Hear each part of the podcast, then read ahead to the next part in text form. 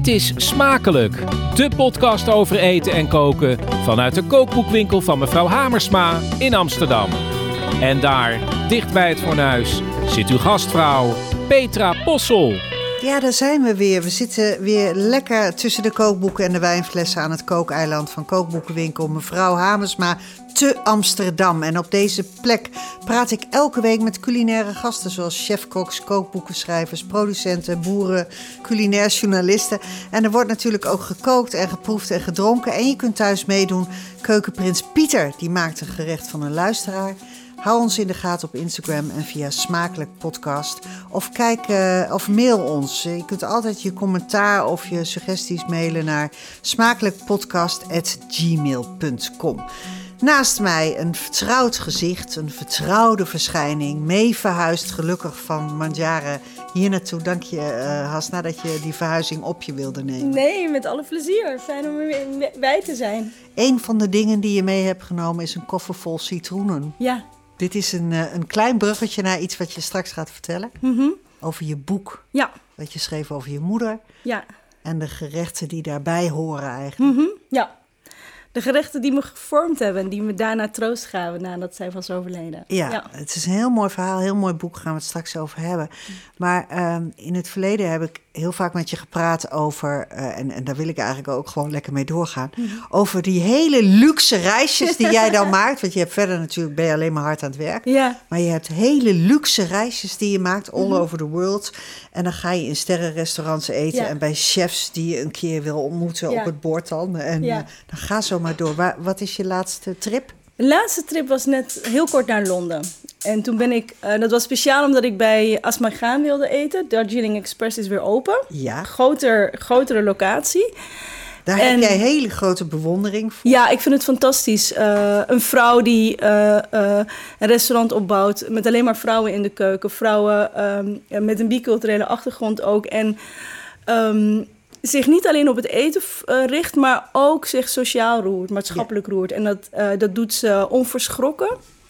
Uh, dat, dat, mensen zijn dat niet altijd gewend van chefs. Hè? Dat doet ze echt onverschrokken en uitgesproken. Heel erg fel tegen racisme, tegen ongelijkheid. En ik vind het fantastisch dat iemand voor zichzelf zeg maar, een, een, een, kleine wereld kan scheppen waarin die zichzelf kan zijn.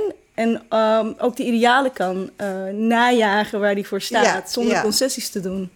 En, en uh, ga je daar dan ook een, een stuk over schrijven? Of Nou, ik heb haar wel eerder voor NRC geïnterviewd. En nu was het dat ik. waar jij voor schrijft? Waar- Jij ja, waar- schrijft, ja, eh, ja. eh, restaurantkritieken voor NRC. Dus ik, misschien ga ik dat wel voor mijn eigen zij doen. Ik heb, ik heb meteen twee, uh, ook Gymkhana ge, bij Gymkhana gegeten. Dat is een Indiaas restaurant, ook met een ster. En dat is een van mijn favorieten. Dat ik, ik was daar en ik was weer zo blij dat ik er een plekje had kunnen bemachtigen. Ja. Dus ik denk wel weer dat ik vaker, los van NRC, weer over de restaurants ga schrijven. Ja, want het is gewoon, het is gewoon verschrikkelijk leuk. Ja, nou op het gevaar af dat we nu uh, versleten worden voor een stelletje kakkineuze dames die alleen maar in, aan boord Oh, van ja, het vliegtuig uh, uh, van het ene naar het andere gaan. Want ik ga Katinka uh, Lansing Mhm. Dordero. Spreek ik het goed uit? Perfect. Wow. Maar dat kon je al. Ja, ik oefen elke dag weer opnieuw. Als een soort mantra. Je bent Nederlands, maar je bent ook Peruaans. Hè? Je, je moeder uh, komt uh, uit Peru. Ja. Uh, woont al heel lang in Nederland. Je schrijft over de keuken van Peru, die trouwens ook hier in Nederland waanzinnig populair is. Maar ook eigenlijk heel veel misbruikt wordt. Ik, ik heb laatst nog ergens in een eetcafé een soort, een soort ceviche gekregen, wat uit brokken.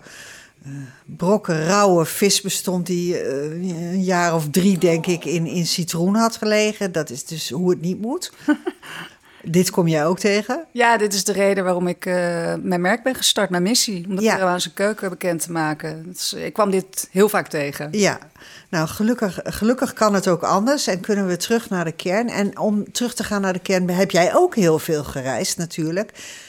Ben jij gereisd naar Peru, uh, onlangs nog? Ja, ik, ben, uh, ik kwam er natuurlijk al veel en vaak. Uh, en ik Familie af... ook? Familie, een huis uh, en gewoon een heel fijn land. Mm -hmm. En ik ben, vorig jaar ben ik er twee keer geweest, maar echt met als doel onderzoek naast de familiezaken die af te handelen waren. Onderzoek voor, voor mijn nieuwe kookboek. Ja. Uh, en ja, dat was één groot avontuur. Super veel geleerd. Het was heel inspirerend. Uh, bij allerlei restaurants gegeten, vanaf streetfood tot en met aan ster. Nou, dat onderscheid heb ik niet gemaakt. Het ging meer om echt uh, de achtergrond van de chefs. De verhalen, hè? want die ja. staan in je boek. Ja, ja, precies. En die maken echt de keuken. Ja. En uh, er zijn ook sterchefs die gekozen hebben om een streetfood stand te hebben, bijvoorbeeld. Dat vind ik gewoon echt uh, ballen hebben. Ja. En Ja. die, die hebben mij echt zoveel geleerd. Dus ik heb met ze mee mogen lopen. Ik heb met, tijd met ze doorgebracht. Ik werd in één keer ondergedompeld. En als je dus één iemand kent en je wordt geïntroduceerd, uh, iedereen weet meteen dat jij er bent. Ja, ja. En wat ik heel leuk vind, en daar komen we zo uitgebreid over te spreken, is dat je uh, door die portretten van chefs. En uh, of dat nou een streetfood chef is of een. Of, of, maakt niet uit, platteland, grote stad, sterren, geen sterren. Krijg je eigenlijk een veel beter verhaal over het verweven van de cultuur en de eetcultuur? De, de hele cultuur, mm -hmm. als het ware. En dan snap je het beter. Uh, heel anders dan een receptenboek, zou ik maar zeggen, alleen. Dat vind ik heel leuk dat je dat zegt. Want ja. dat was ook het hele idee. Ik, ik, dacht van ja, het is gewoon een keuken. De, de Nikkei-keuken, de Peruaanse, Japanse... Uh, ja, de Japanse invloed, de fusion. Ja. ja, die is redelijk, uh, relatief onbekend hier in Nederland, in België. Maar in wereldsteden, nou ja, zoals, nou ook wel weet, is, het, uh, is het een hit. Um, maar je kunt het alleen begrijpen, je kunt de keuken alleen begrijpen, van welke cultuur dan ook, door de achtergrond te weten. Ja. En te begrijpen waar bepaalde keuzes vandaan komen, hoe het ontstaan is, wat de, wat de geschiedenis is. Uh, en dat, dat maakt het gewoon veel rijker. En dan, dat maakt het ook dat een gerecht niet eendimensionaal is. Ja, ja. Nou, we gaan er zo over praten. Ik vertel even tegen de luisteraars dat we dus straks een lievelingsgerecht uit de familie Bouassa gaan, gaan proeven. En, en dat is heel bijzonder. En een warme hap wordt er gemaakt, want dat horen we nu, de pannen. En ja, dat is de pan inderdaad heel goed. er wordt ook gewoon geluid bij geleverd.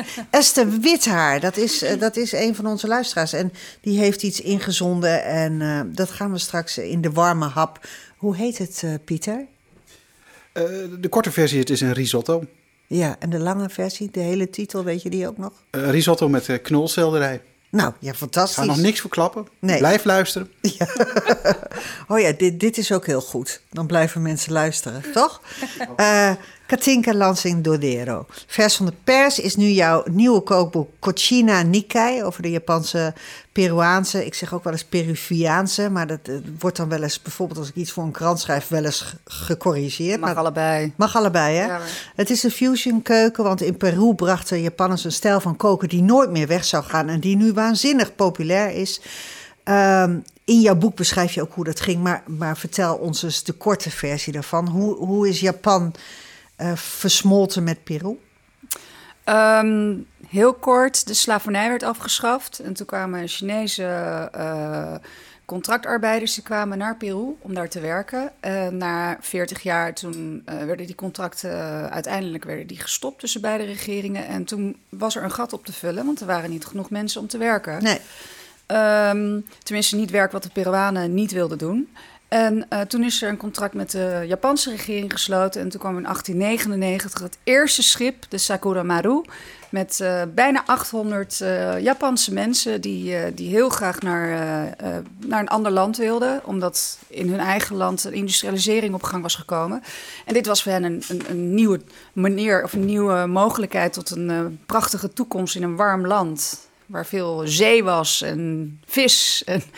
Dus zij kwamen daar te werken. En Japanners zijn heel, uh, of tenminste de Japanse mensen in Peru, die zijn heel erg um, uh, ja, gedisciplineerd, uh, heel erg commercieel, doorzettingsvermogen. En zij gingen dus koken met producten van de Chinezen die er al waren en van de Peruanen. Ja. Maar ze brachten hun technieken mee. Dus rauwe vis, snijtechnieken.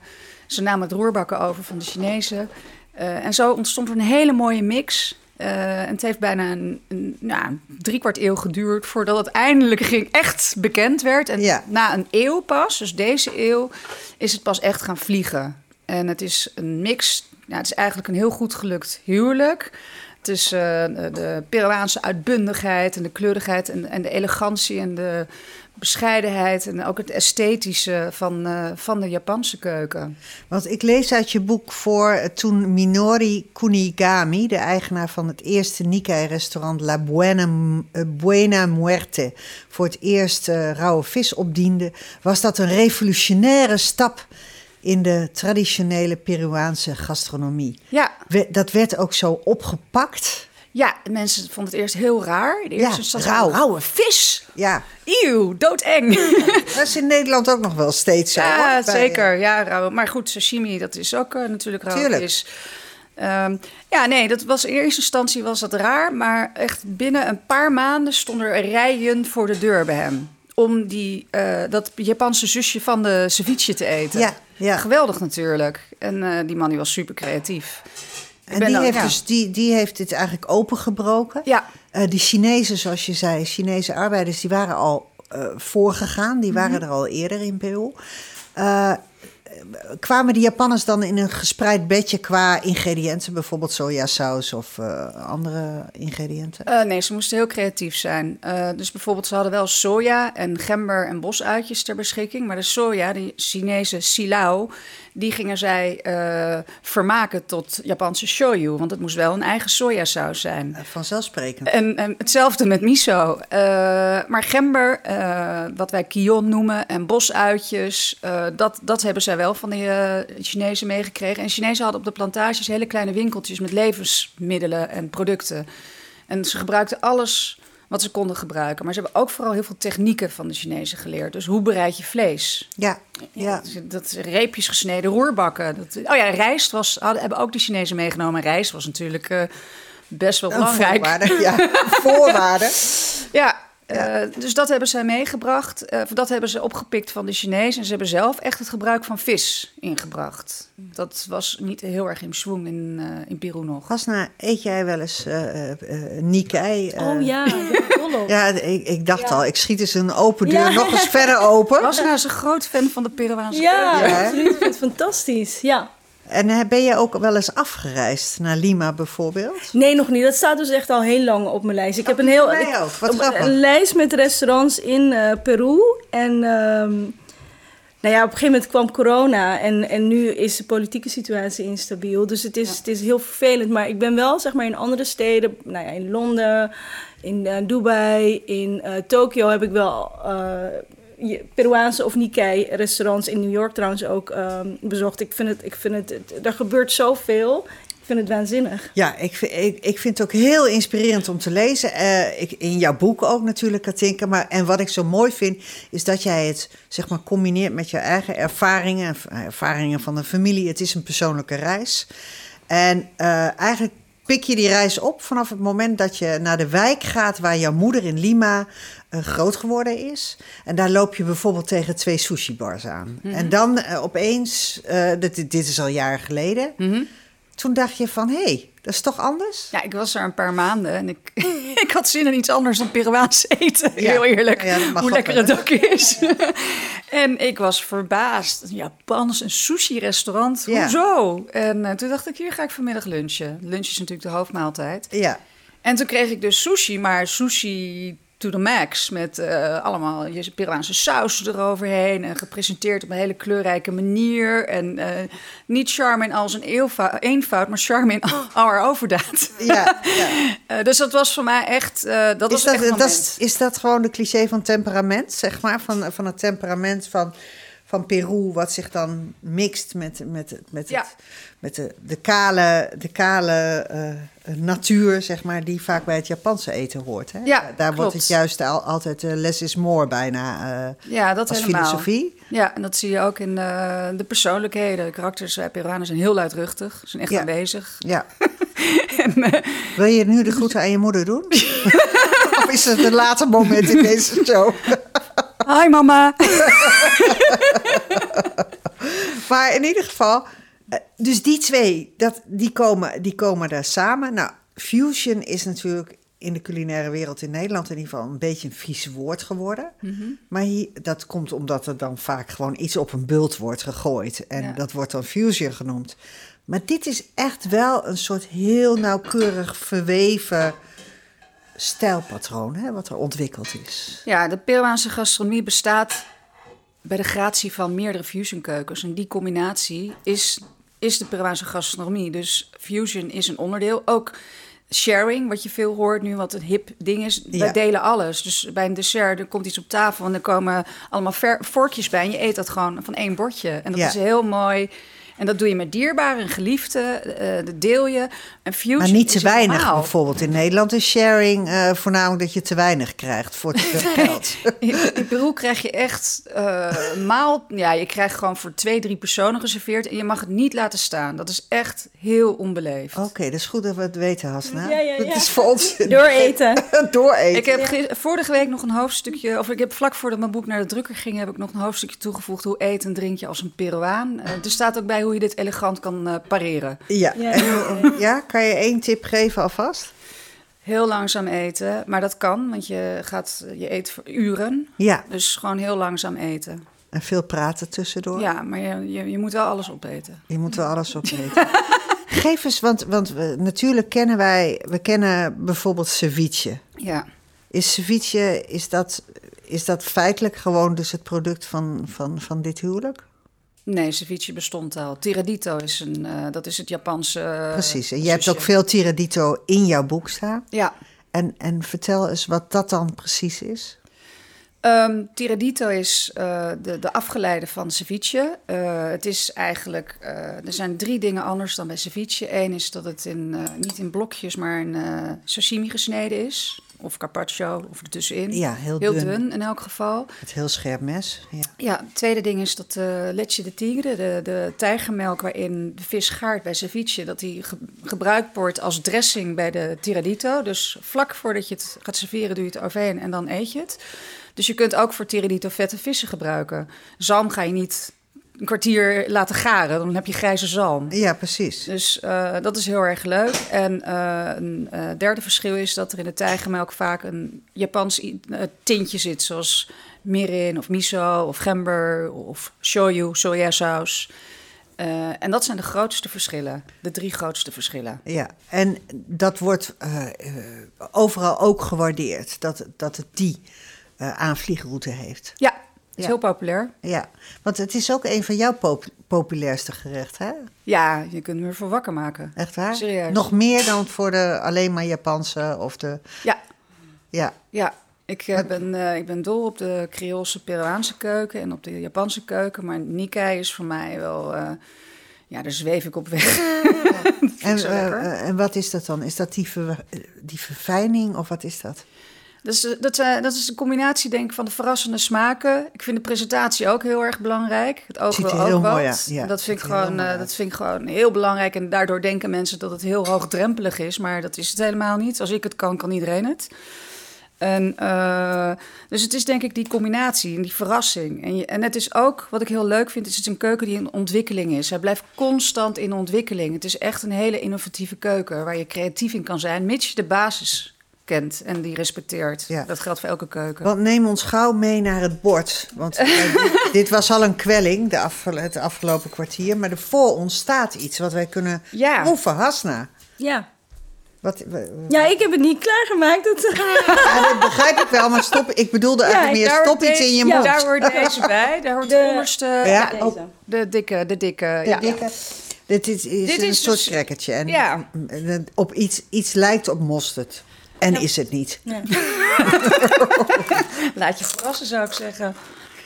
Ja, wil je dat ik er iets over Ja, graag ja. Eh, dit is Ik een, vol. een plato combinado, zoals wij eh, heel mooi gebruiken. En als het economisch slechter ging, dan werden er restjes en alles wat er voorhanden was, werd er geserveerd op een bord. Een vreemde combinatie van van alles en nog wat. Eh, dus denk bijvoorbeeld in Nederlandse vertalingen boerenkool met een eh, pannenkoek en een eh bitterbal. Ja. Maar iets. Ja. En nu, in deze dagen, wordt het gebruikt als, als excuus om alles, ongeacht of het past of niet past, te combineren. Wat ik echt heerlijk vind. Dus Ja, stapelen. ja, nou, het eerste is dat crunchje is eh zeewier eh, chips. Zeewierchips. Met gerookt zeezout. En dat dipje, dat is ehm, ehm, mayonaise van miso, maar dan eh, met mijn aglio amarillo pepersaus. Dus de Ja, chili jij bent echt een soort peperjunk. ben je, hè? nou, nou, laat ze het maar gewoon ja. zeggen. Ja, ja, ja, elke dag een shotje. En, eh, het is heel gezond. Ja. Dat heb je van je vader. Ja. Want je moeder is Peruaans, maar Ja, mijn je, vader die was je echt vader was, een die was ook een peperjunk. Ja, een Ja. peperjunk. Nou, en dat is dat heerlijke crackertje. Ja, Het Dit is, eh, het is gewoon een ja, chipje. Het is heel makkelijk. Ik heb, nee, ik heb natuurlijk uren hier aan gezeten om Ja. het voor te bereiden voor jullie. Ja. Maar het kan in 10 minuten. nou, Oké, dat- ik voel me schuldig. Dat was Nee, joh. het tweede is eh gyoza. Ja, Eh, Dat kennen we natuurlijk in een andere vorm, zeker. ja, met een eh, vulling. En eh, oh, er wordt eigenlijk ook rasp van eh, mandarijn op. Die ben ik vergeten op te doen. Nou. Maar die zit er ook in. Eh, de vulling die is van duurzame eendenleverpaté. Dus zonder vrede voederpraktijken. Die noem jij ook in je boek. Je, hebt dan ook, je geeft ook aan waar je die kan eh, kopen. Dus dat, dat weten we dan eh, als we dat lezen ook Precies. meteen. is Eh, het met de saus of zonder? Ja, met, die, saus? met, die, met die knalgele saus. Er komt een knalgele saus bij. Je zou denken vanille, maar dat is denk ik niet zo. En je zou ook kunnen denken eigeel, maar dat is denk ik ook niet zo. Nee, ik denk dat het een meer citrus, of niet? Ja, het is Ja. mandarijn ingekookt. En, eh, je kan gewoon royaal dippen, want hij is niet heel pikant of zo. Maar eh, Nee. met, Oh. eh, er zit ook miso in en het is ingekookt, ook met suiker. Eh, dat is dus echt het Peruaanse aspect. En eh, er zit dulce zeewier op. En dat, is een beetje, dat geeft dat gerookte spekachtige smaak. Oh, dit is toch wel... Maar ik zocht dus, eh, ja, ik werk graag met producten die ik in Nederland kan krijgen. Of pepers die hier geteeld zijn. Dat vind ik duurzaam. En die ene leverpaté, dit was voor mij echt een uitkomst. Want dat eet ik al honderdduizend jaar niet meer, omdat het super zielig is. Maar dit is gewoon alleen maar goed. Dit kan schaamteloos. Dit kan schaamteloos, ongegeneerd. En ze hebben ook ganzenlever, dus dat is fantastisch. Nou, En eend wordt heel veel gegeten in Peru. Het is echt... Het is ook verfijnd to the max, hè, dit. Ik vind dit zo lekker, die combinatie van dat frisse eh, van Ja. die saus... En dat, natuurlijk dat hele volle, volle aantrekkelijk Vettige, vettige ja. van die eend. Hè? Ja. Lekker, hè, Astrid? Ja, zeker. Met een bosuitje weer, echt Japans. Nou, de volgende. lekker, ja. ja. wij zitten eigenlijk bijna al, we staan al eh, op Schiphol. Ja. Mochten jullie nog een gids en tolk nodig hebben? ja, dan meld jij je, dan meld jij je aan. Meld me aan. Ehm een van de drie signature dishes van eh Nikkei is eh pulpo met spiesjes. Die heb jij de vorige keer gehad. Ja, ja. Trouwens, die oesters waren ook Nikkei. Dus je, je hebt, bent al... Ja, ik ben wel ingevoerd, in tijd, maar ik verzin elke keer weer een smoes. ja, Ehm, tweede bekende gerecht is tiradito. En derde, in willekeurige volgorde, is dit. Dat is de maki acevichado. Dus bedacht door eh, Nobuyuki Matsuhisa, oftewel Nobu. Van Ja. eh, de wereldberoemde keten die hij met ehm, Robert De Niro heeft. ja, een zeer, zeer bekende keten. Hij is eh, begonnen Geliefd in bij Peru. sterren. Precies, hij is begonnen in Peru eh, in 1973. Daar heeft hij drie jaar een eh, heel beroemd restaurant eh, gerund als sushi-chef. En dit is dus maki. En de vulling, dat kun je zelf bedenken. Dan zit er vis op die eh, kort gegaard is. Dus als tiradito gesneden en kort gegaard. En dan zit er een acevichado saus op. Die is echt gebaseerd op gember. Ja, Onder andere. En dat is een, een standaard saus die in Peru bijgegeten wordt. En ik heb een, een scheutje of een beetje togarashi eroverheen ge... het is ook Gedingest. zoals altijd weer, de peperfactor is aanwezig. Eh, we kunnen gewoon stellen dat eh, Katinka Lansing Dodero de meest gepeperde vrouw is die we in Nederland hebben kunnen vinden. Want het is echt niet normaal, maar zo lekker. In, Vind je het heet? ik vind het het- lekker heet. Oké. Dus ik vind het ook Ik vind het zacht hoor. Ja, ik ook. Nou, ik vind het lekker, maar ik vind het zacht. Ik vind het niet... Nou, eh, maar ik ben natuurlijk echt wel de, de minst Ja. gepeperde. Ja, misschien qua karakter dan wel weer. Maar, maar ik bedoel, ja, ik vind het erg lekker. ik ook. Nee, maar dit is waar ik van hou. Het is ook die, die, die contrasten in, eh, in de smaken, maar het is niet grof, het is verfijnd. Nee. Het is niet zo dat je denkt dat je een soort, weet je, dat je er van alles ingooit of zo. Nee. Het is gewoon, eh, ik, ben, ik ben er dol op. Ik wil nog één eh, Ja. dingetje, want dit, dit is allemaal te kort om deze hele keuken eer aan te doen, Katinka. Maar ik kwam één zinnetje tegen, daar heb ik toch nog ook wel om staan lachen en huilen tegelijk. Dat was namelijk eh, dat je vroeger met je vader ging je dan salsa maken. Als puber stond ik samen met hem huilend salsa te maken. En toen dacht ik, heb je de kindertelefoon geweld? Huilend van geluk. Dat snap ik. Maar alleen maar salsa, salsa, salsa maken. Naar de markt, hè? Eh, om de pepers te kopen. Nee, Of hij naar de bestelde winkel? ze, dit is jaren tachtig. Hij bestelde ze in, eh, bij een, eh, bij een boer, die, die verbouwde ze. Ja, en, of bij een Surinaamse toko, een speciaal bestelling. Ja, dit was gewoon heel bijzonder. Om dat samen te doen. Ja. Je hebt er goede herinneringen aan, Zeker. te horen. Eh, wij, wij gaan zo, ja, dit bordje mag niet afgeruimd worden. Ik ga dit met mijn leven eh, en lichaam eh, bewaken. Ik ga er helemaal omheen zitten. Het is ongelooflijk lekker wat je hebt meegebracht. En, en dat boek, dat, Dank je. dat is een, dat is een, een, een. We gaan nu, we gaan nu eh, naar een compleet ander eh, gerecht. Ja, want eh, we zijn eh, toe aan... Ik had nog een pepertje in, eh, in mijn hals.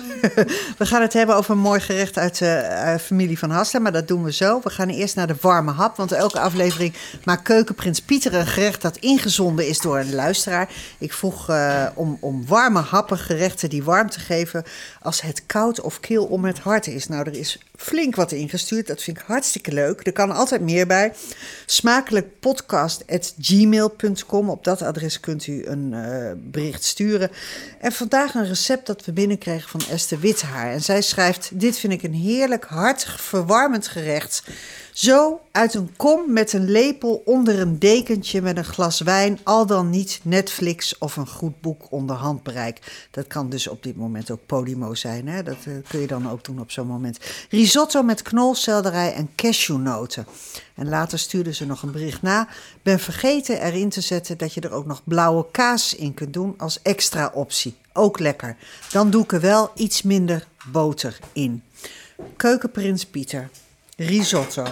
Ik zag al wel een hele mooie zak rijst voorbij komen. Ja, ik heb eh, gekozen, dankjewel Petra, voor een, eh, een- een van de soorten rijst die je meestal gebruikt voor risotto, namelijk de arborio. Ik ben blij met deze inzending van, eh, van Esther Withaar, zoals ik haar noem. Ehm, ik zag al Zoals jullie elkaar kennen. Zeker. Ik zag al aan de ingrediënten dat het leidt tot donkere smaken in dit jaargetijde. Ja. En je hebt al iets verteld over hoe het gemaakt zou worden. Eh, mijn kokshart ging wat sneller kloppen toen ik zag bij de knolselderij. Want het is eigenlijk gewoon een eenvoudige klassieke risotto. Eh shallotje aanfruiten met eh, wat andere smaakmakers. Rijst mee fruiten. En dan scheutje voor scheutje bouillon erbij. Tot zover niet zo heel eh, spannend. Maar dan komt het, de knolselderij.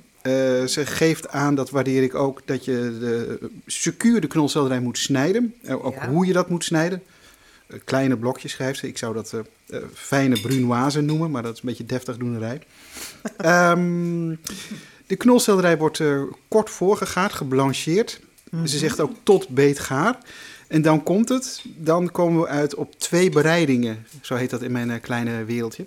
Namelijk, een deel van de eh knolselderij gaat mee met de risotto laatste minuten meegaren. En de rest wordt op stevig vuur met wat knoflook aangebakken.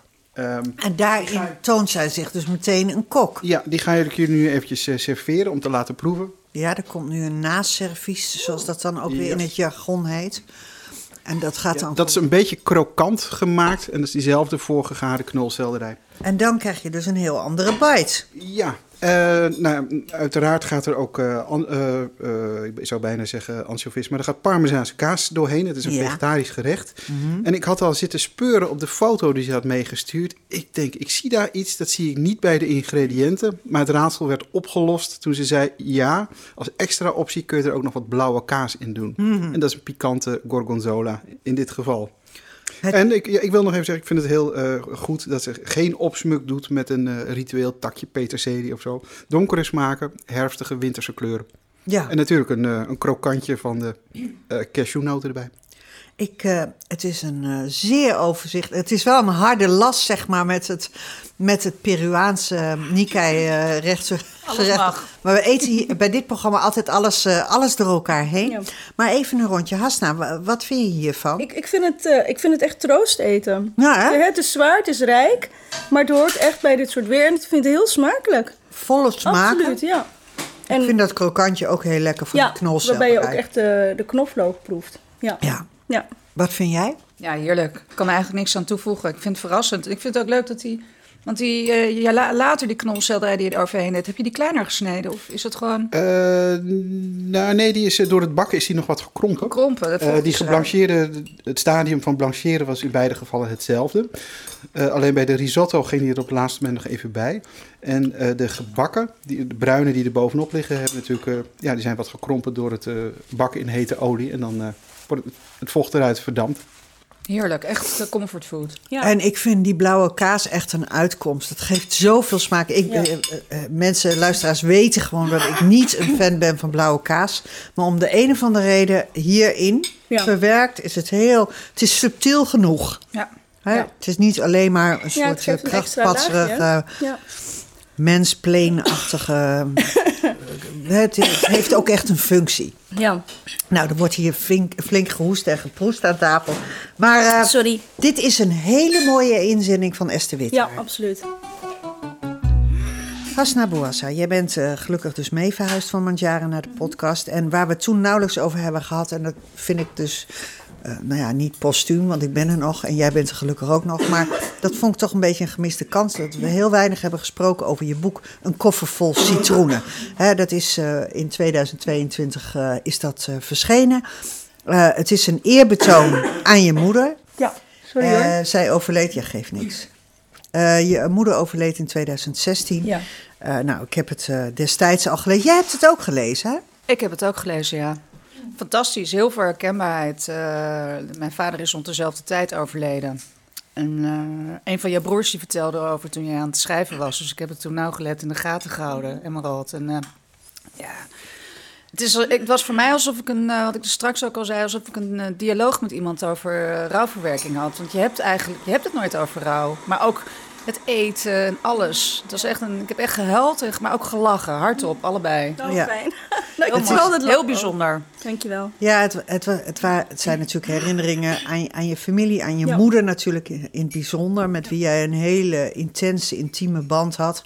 Eh, het, het is ook een boek eh, dat, dat, en daarom vond ik het ook leuk om het vandaag nog weer eens eh, uit de Ja. kast te halen. Wat ook heel erg over het ritueel van eten. Ja, En de verbinding, verbindende factor eigenlijk, Ja. die eten heet. Ja. En koken natuurlijk ook. ja. Eh, want eh, eten was natuurlijk iets wat jouw hele leven bepaalde. Mhm, absoluut. ja. En het eten van je moeder. Omschrijf haar eens als kok, als kokkin.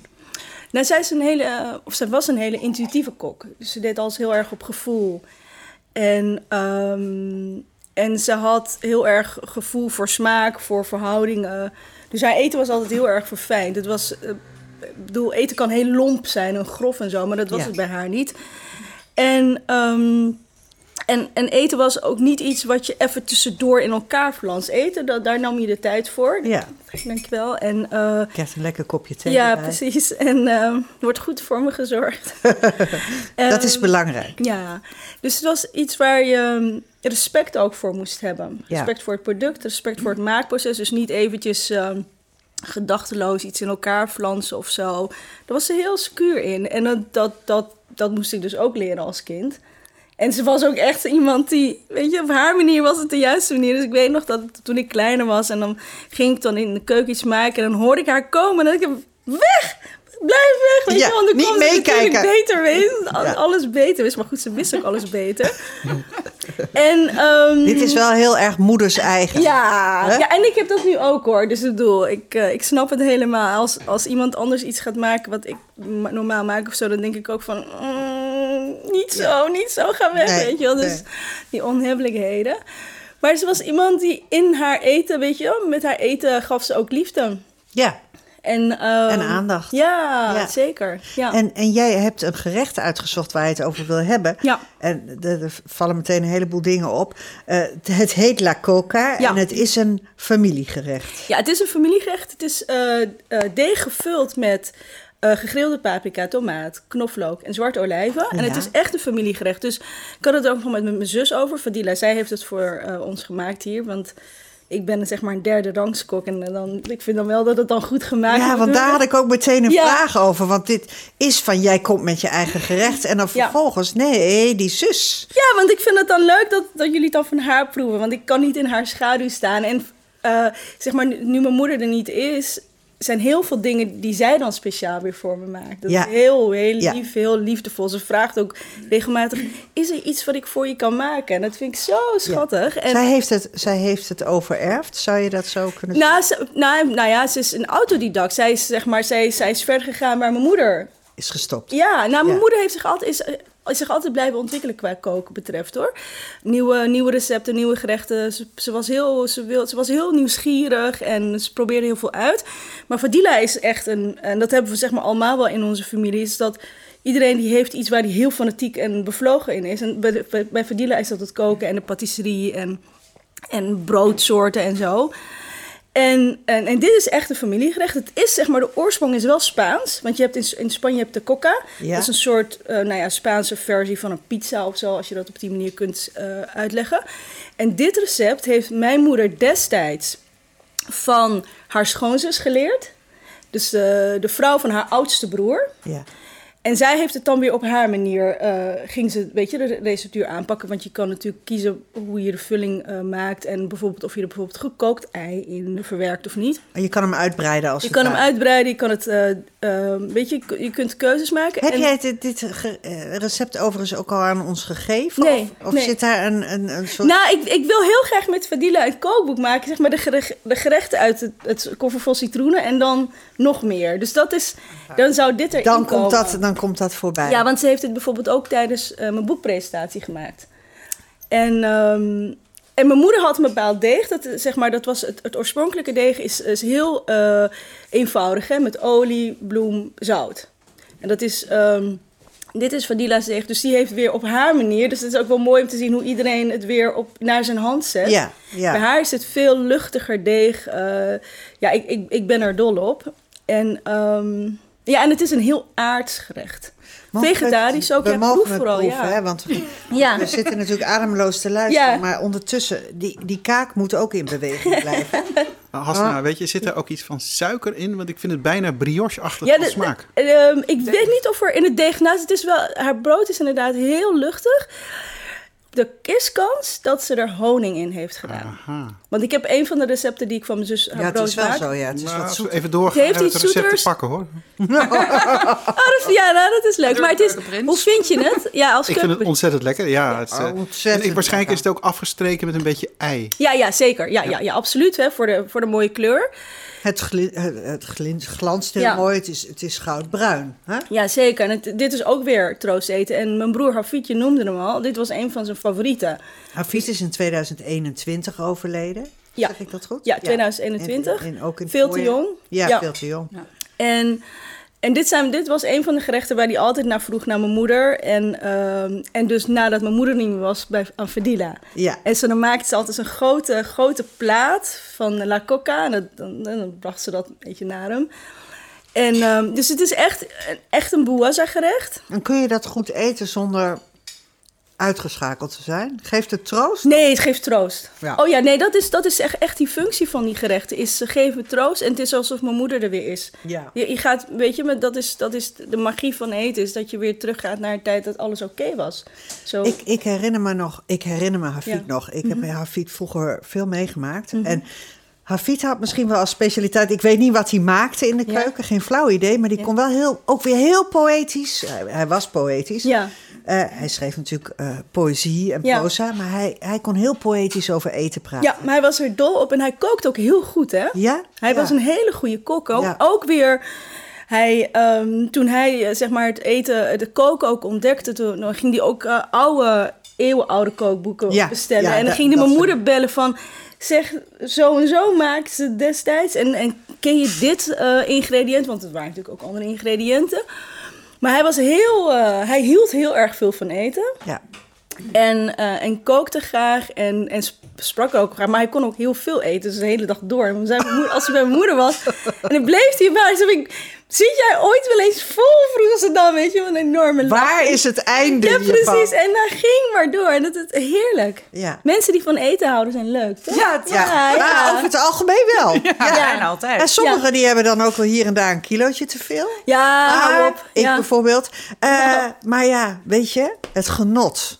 Ja, maar ja, het is ook zo dat eh, als ik bij mijn moeder thuis kom, dan zegt ze altijd: Wat zie je bleek? En ben je afgevallen? Ja. En dan krijg ik gewoon een hoeveelheid eten, waar ik natuurlijk geen nee tegen mag zeggen. En Nee. dan rol ik gewoon weer terug naar Amsterdam. Wat Ja. een heerlijk. Dat is echt Zo, zo is ons leven. En dit, Heel zwaar. juk moeten wij als liefhebsters, liefhebbers, moeten we dit juk eh, dragen. Ik vind het heel leuk, de Hasna, dat je hierover verteld hebt. En wat ik heel goed nieuws vind, is dat je samen met je zus dus blijkbaar... eh, want dat wist ik nog niet, maar dat je een boek gaat maken met de gerechten uit, je, Dat wel uit, een, eh, uit ja, de dat koffer vol citroenen en nog meer eh, familiegerechten. Ja. En ik hou, ten eerste hou ik heel erg van dat genre boeken. Dat het gewoon van dichtbij komt. Dat Ja. je daar verhalen over kunt vertellen. Dus dit is ook weer het beste idee wat vandaag voorbij is gekomen. Nou, dankjewel. ik denk dat we nu alles gewoon gezamenlijk met elkaar naar binnen zullen eten. En eh, daarna even een klein tukkie gaan doen. Want we zijn aan het eind gekomen van, eh, van deze podcast. Het was ook een wereldreis, drie continenten in een Ja. eh, drie kwartier. Ja. Ongelooflijk. Wat wij allemaal meemaken, zonder dat we trouwens in zo'n vervuilend vliegtuig hoeven te zitten. Dus eigenlijk heel goed. Dankjewel ook eh keukenprins Pieter. U heeft goed gewerkt. Eh Katinka Lansing Dodero, zij schreef dat prachtige boek over die Cucina Cucina eh Nikkei, eh, de, de fusion keu- keuken. Hasna Bouassa natuurlijk, Reiner van der Put, mevrouw Hamersma, want in haar boekenwinkel eh, mogen wij elke week zitten. Peter Possel en Volkert Koelhoorn van Podimo. Volgende week zit Hiske Versprillen hier. En dan praten we over brood en banket met de thuisbakker. Maar dat is een beetje een uit de hand gegroeide hobby van Jane Jupp. Hier bij Podimo. En dan kun je ook blijven mailen. Smakelijkpodcast.gmail.com. Tot volgende week.